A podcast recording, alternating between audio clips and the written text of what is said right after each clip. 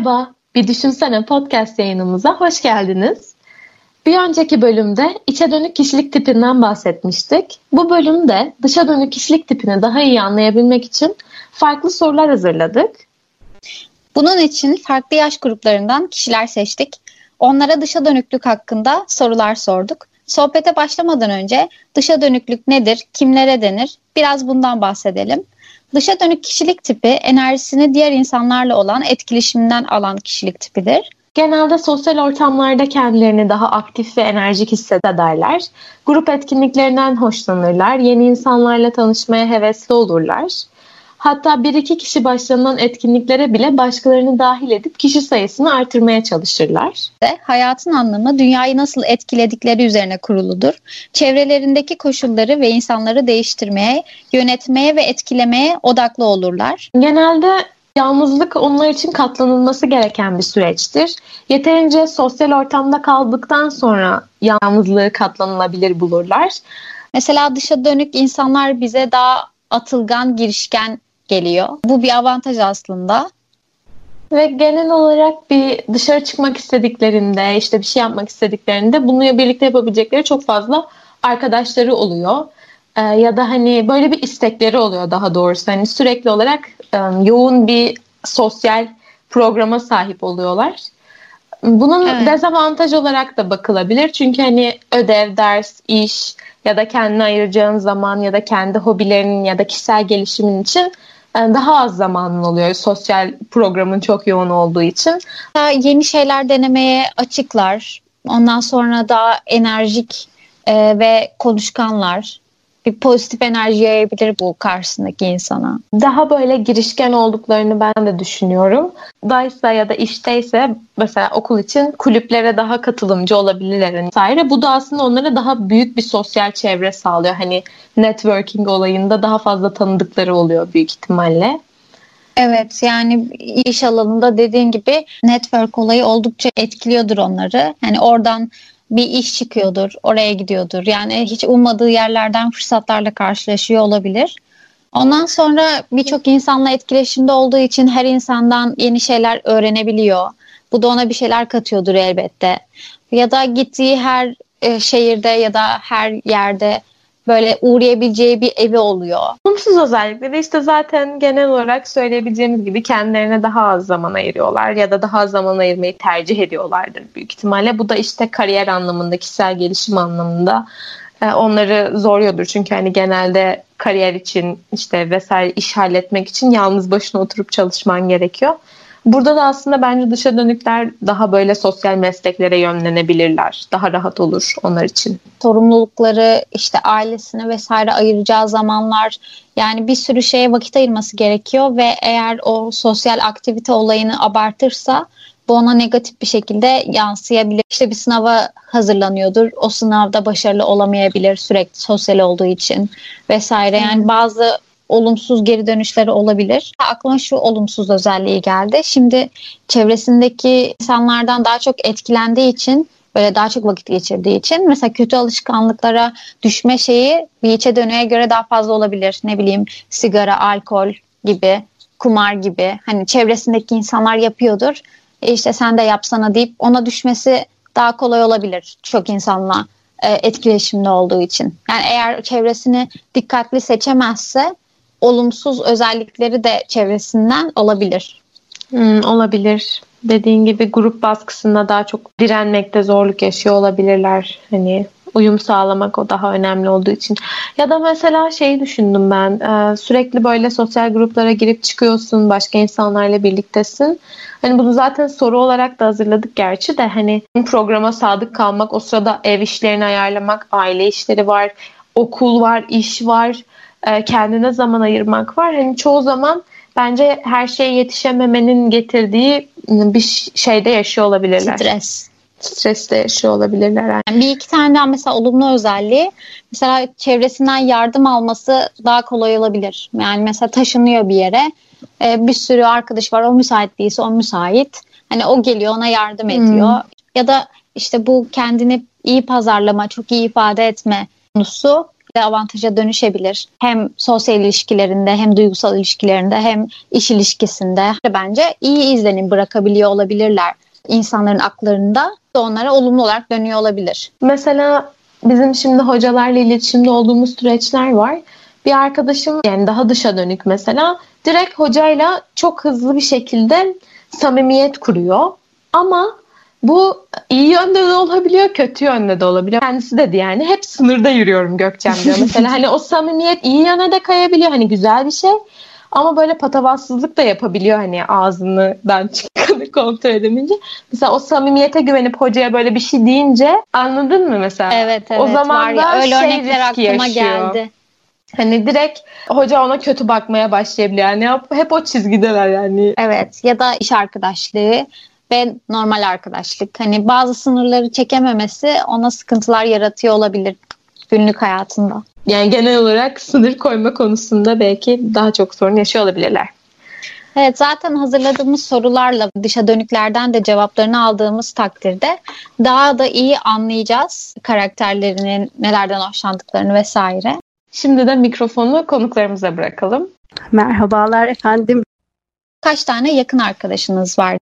O, e, yakın arkadaş dediğin hani gerçekten senin her zaman yakınında olan uzakta da olsa yakınında ve yanında olduğunu hissettiğin kişi olarak algılıyorum ben. Dört tane yakın arkadaşım, iki tane de sırdaş dediğim benim her şeyimi bilen ve onlardan başka kimsenin bilmesini istemediğim iki tane de sırdaşım var.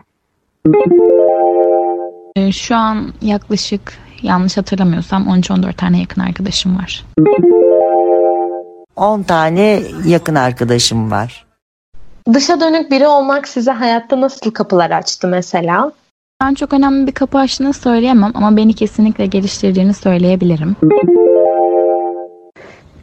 Dışa dönük biri olmanın gerçekten bana hayatta kapılar açtığına inanıyorum. Öncelikle eğitim hayatımda yani okul çağından beri bu böyle başladı. Çünkü öğretmenlerimle hatta öğretmenler odasına girip onlara başka bir şeyler sormakla alakalı iletişim her zaman çok iyi ve güçlüydü. Müdürlerle, müdür yardımcılarıyla, okulun dışındaki esnafla falan herkesle hoş sohbet ettiğim için herhangi bir durumda hani nazım geçiyordu hocalara. Bazen soruların cevaplarını bile aldığım oluyordu. Okul hayatında böyle başladı. İlk iş deneyimimi de biraz küçücük paylaşmak istiyorum. Ablamın çalıştığı iş yerini ziyarete gittiğim gün ben işe alındım böyle bir kapı açılmış oldu bana. İş görüşmelerinde e, kendimi ifade edebilmek, çekingen olmamak durumundan kaynaklanan işe alımımın ya da ilk intiba olarak insanlar üzerinde bıraktığın ilk intibanın iyi olmasına sebep olduğunu düşünüyorum. Bu karakter tipinde olmanın avantajlarını kendi hayatınızda nasıl kullanıyorsunuz? Ya onlardan bir şeyler öğreniyorsam e, bir şeyler fayda yapmaya sağlıyor. çalışıyorum. Bana fayda sağlıyor. Veya ben onlara bir şey öğretiyorum. Onlar benden faydalanıyor. En basitinden karantina boyunca asla yalnız kalmadım. Yani vaktimi geçirebileceğim hep arkadaşlarım oldu çevremde. Evet gerçekten ben dışa dönük bir insan olduğum için hayatımın birçok yerinde bunun avantajını kullanmışım, görmüşüm gibi düşünüyorum. Hani okulda küçücük okula gidip karşıdaki bakkalla sohbet ettiğim için bile okul çantamı taşımayıp oraya bırakıp dolanıp dolanıp tekrar eve giderken onu almayı başarmışım mesela. Ufacıcık küçücük bir örnek bu ama bayağı bir avantajı varmış. Ben de bunu farkında olmadan kullanıyormuşum. Sayenizde fark etmiş oldum. Teşekkür ediyorum. Biriyle buluşmak istediğinizde ya da konuşmak istediğinizde karşı taraf istekli olmayınca bunu nasıl karşılıyorsunuz? Karşı taraf istekli olmazsa başka arkadaşımla buluşurum. Çok da takılmam yani. Önceden planlanmış büyük bir şey bozulsa tabii ki de kızarım. Onlarca çok takılmıyorum böyle şeylere.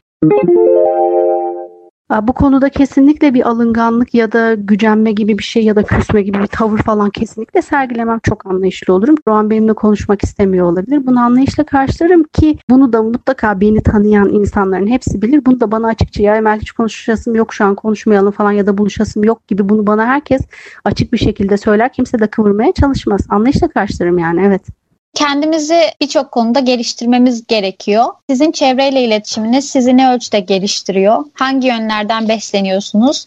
Yeni şeyler öğrenebiliyor musunuz? Yakın arkadaşlarım çok farklı tipte olduğu için gerek akademik, gerek sosyal, gerek kültürel yönden düşüncelerim gelişiyor bence. Bu da beni daha donanımlı yapıyor diye düşünüyorum ben. Daha çok geziyorum. Gezip tur seyahatlerini. Hmm, yeni yerleri keşfedip yeni yerleri görmeyi insanlardan. insanlar arkadaşlarımla dostlarımla. Yemek yapmayı e, yemek çeşitlerini öğreniyorum. Bilhassa el işlerini çok sevdiğim için e, daha çok çevremdekilerden e, öğrenip yapmaya çalışıyorum yani. Gerçekten birçok yönden e, çevreyle iletişim halinde olmamdan ötürü birçok yönden gelişmiş ve e, kendimi beslemiş olduğumu fark ediyorum. Herhangi bir işi, herhangi bir şeyi yapan kişiyle sohbet esnasında bile ne yapıyorsun, ne ediyorsun, nasıl yapıyorsun, bu nedir, ne değildir gibi çekinmeden sorduğum için birçok şeyin detayını ve şeyini de öğrenebiliyorum. Bir yol tarifi isterken herhangi bir kişiden hani tüm detayına kadar hani dur abla götürelim seniye geliyorlar neredeyse hani yardımcı olmak için. İyi oluyor, hoş oluyor. Genelde hayatınızda yani çok fazla yakın arkadaş olduğu için çok fazla insanla sosyal iletişim içerisindesiniz ve hani pek çok kişiye farklı zamanlar ayırmak gerekiyor böyle olunca. Sizin hayatınızdaki insanlar onlara öncelik vermediğinizi, onlarla daha az zaman geçirdiğinizi düşünüyorlar mı ya da bu konuda size sistem ettikleri oluyor mu? Evet, çoğu zaman böyle bir şeyle karşılaşıyorum. Yani onlara öncelik vermediğimi, onunla buluşmayı sürekli ertelediğimi düşünen arkadaşlarım oluyor.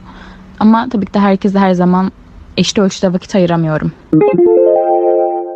Ya aslında evet oluyor. Çünkü bazen durup düşündüğüm zaman ben de farkına varıyorum ki her gerçekten herkese çok ilgilenen, hanım arayıp soran, ilgilenen bir insanım. Yıllar yıllar öncesinde komşum olmuş olan başka şehirdeki kadını bile arayıp nasılsın iyi misin diye soruyorum mesela Kandil'de, Bayram'da, Seyran'da falan. Gerçekten hani alındım diyen, benimle ilgilenmiyorsun, bana daha az zaman ayırıyorsun diyen kişilerle de karşılaşıyorum. Çocuklarım özellikle hep ve hep onlarla ilgilenmemi istiyorlar. En çok şikayet onlardan geliyor. Ama hepsi tatlı ve şey şikayetler. Yok hiç öyle bir şeyle karşılaşmadım. Ailemle de vakit Aha. geçiriyorum. Yetişiyorum. Mesela şöyle bir durum var. 5 dakika bir marketle ya da bir esnafla bile muhabbet etseniz hemen ekonomik krizden bahseder. Bu durumda kendinize sürekli insanların dertlerini, şikayetlerini dinlerken buluyor musunuz? Ve bu negatif cümleleri duymak sizi etkiliyor mu? Tabii yani dertlerini, sıkıntılarını dinlerken onlarla birlikte oluyorum. Yani onların dertlerini sıkılıyorum. Ya ağır geliyor mu size? Hayır ağır gelmiyor. Paylaşmaya çalışıyorum. Onları teselli etmeye çalışıyorum. Hepsinin boş olduğunu söylüyorum. Çünkü hayatta en önemli şey insanın kendisidir. Ve en fazla buna dahil edebileceğim ailesidir. Annesi babasıdır. Bir sevgilisi varsa sevgilisidir. Yani bu bir elin parmağını geçmez. Aslında negatif düşünceleri duymak beni kötü etkilemiyor. Çünkü duyduğum dertler sayesinde bir gün başıma geldiğinde ufkumu biraz daha geniş tutabileceğim diye düşünüyorum. Ama genelde insanların problemlerini dinlerken buluyorum kendimi. Gerçi hangimiz dersiziz ki? Aslında evet sürekli insanların şikayetlerini dinlerken bulduğum çok oluyor. Bazen öf içim şişti dediğim de oluyor. Bazen de ay benden daha kötüleri varmış diye Allah'a şükrettiğim oluyor. Onu gerçekten anlamaya çalışıp ona dua ediyorum. Çok fazla kişiyle de iletişim halinde olunca insanlar zaman zaman sahte gelebiliyor. Size de böyle oluyor mu? Yani insanların söylemlerini, vücut dillerini sahte bulduğunuz oluyor mu? Tabii ki. Bu bu zamanda böyle olmayan yok bence. Sadece yakın arkadaşlarımlayken asla düşünmüyorum ama orta yakınlıktaki arkadaşlarımda kesinlikle hissediyorum. Çok da takılmamak gerek bence. Evet buluyorum. Ama bununla çok ilgilenmiyorum. Kendi işime bakıyorum. Faydalanabildiğim kadar faydalanıyorum. Çok da dert etmiyorum. İşimi görsünler, zamanımı geçireyim. Arkadaşlık veya iş arkadaşlığı hiç önemli değil. Sahtekarlıklarını görmem çok beni ilgilendirmiyor. Zaten hepsi gelip geçici şeyler. Oluyor. Her insan bir değil, e, çeşitli insanlar var. Fark ediyorum. Çok sahte bulursam soğut, soğuduklarım da oluyor yani. Hem de o kadar çok buluyorum ki o kadar çok insan sahte ve böyle saçma sapan hareketler ve davranışlar sergiliyorlar ki herkes menfaat ilişkisi içerisinde koltuk derdinde kimse samimi değil birbirinin arkasından kuyusunu kazmaya çalışıyormuş gibi Var. Gerçekten çok fazla var. Dışa dönük biri için sosyal aktiviteler önemli bir yer tutuyor. Burada bir nokta var ki zaman yönetimi. Bunu nasıl yapıyorsunuz? Yani hem sosyal olup hem sorumluluklarınızı en iyi şekilde yerine getirme olayı sizi yormuyor mu? Evet bu gerçekten zor oluyor bazen. Ailem bir dönem onlara vakit ayırmadığımdan fazla şikayetçiydi. Zaman yönetimini de uykumdan kısaltıp çevreme vererek yapmaya çalışıyorum. Çünkü ancak o zaman sığıyor her şey. Bunda bir gülesim geldi. Aklıma bir şey geldi çünkü. Seda Sayan'a soruyorlar bir röportajda. İşte bu kadar zayıf olmayı nasıl becerebiliyorsunuz falan diyor. O da diyor ki açım aç. Gerçekten sosyalliğimi yapıp hem de sorumluluklarımı yerine getirebilmemle alakalı verebileceğim tek cevap uykusuzum, uykusuzum. Çok az uyuyorum. Çok az uyuyup birçok şeye birden e, üstesinden gelmeye çalışıyorum. Dışa dönüklerin genelde böyle yakın arkadaş demesi ya da yakınına alması birilerini daha hızlı oluyor. Yani daha çabuk samimi oluyorlar. Peki böyle hiçbir zaman birisiyle fazla hızlı samimiyet kurup böyle özelinizi anlatıp daha sonrasında pişman olduğunuz keşke o kişiyi bu kadar hızlı güvenmeseydim ya da fazla hızlı samimiyet kurmasaydım dediğiniz oluyor mu? Yani açıkçası çok da değil. Şu ana kadar pişman olabileceğim bir şey yaşamadım. Ya genelde insanlarla hızlı samimiyet kurarım ama e, bugüne kadar hiç pişman olduğum olmadı. Keşke dediğim gerçekten olmadı. Bunu da galiba insanlarla samimiyet kurarken seçerek kuruyorum.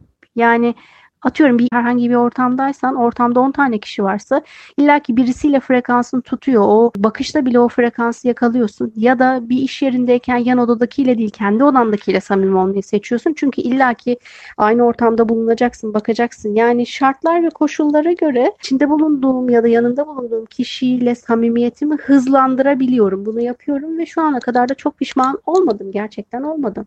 Şimdi siz bu karakter tipindeyseniz genelde arkadaş canlısı ve sıcakkanlı görünürsünüz. Sıcakkanlılığınız ve samimiyetiniz yanlış anlaşılma durumlarına yol açtı mı hiç? Örneğin flört ettiğiniz sanıldı mı ya da başka türlü yanlış anlaşılmalar başınıza geldi mi? Evet buna bir de rahatlık ve açık sözlük eklenince yanlış anlaşılma fazlasıyla oluyor. Hareketlerimden farklı sonuç çıkarılıyor. Ama pek de takılmıyorum. En de sonunda anlıyorlar bence beni.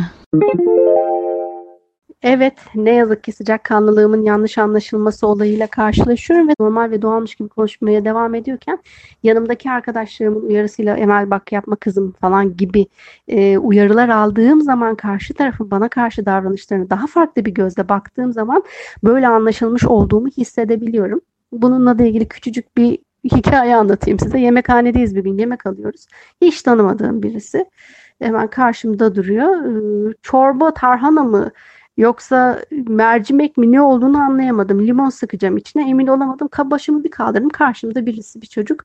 Dedim bu çorba ne çorbası Allah aşkına tarhana mı mercimek mi diye sordum.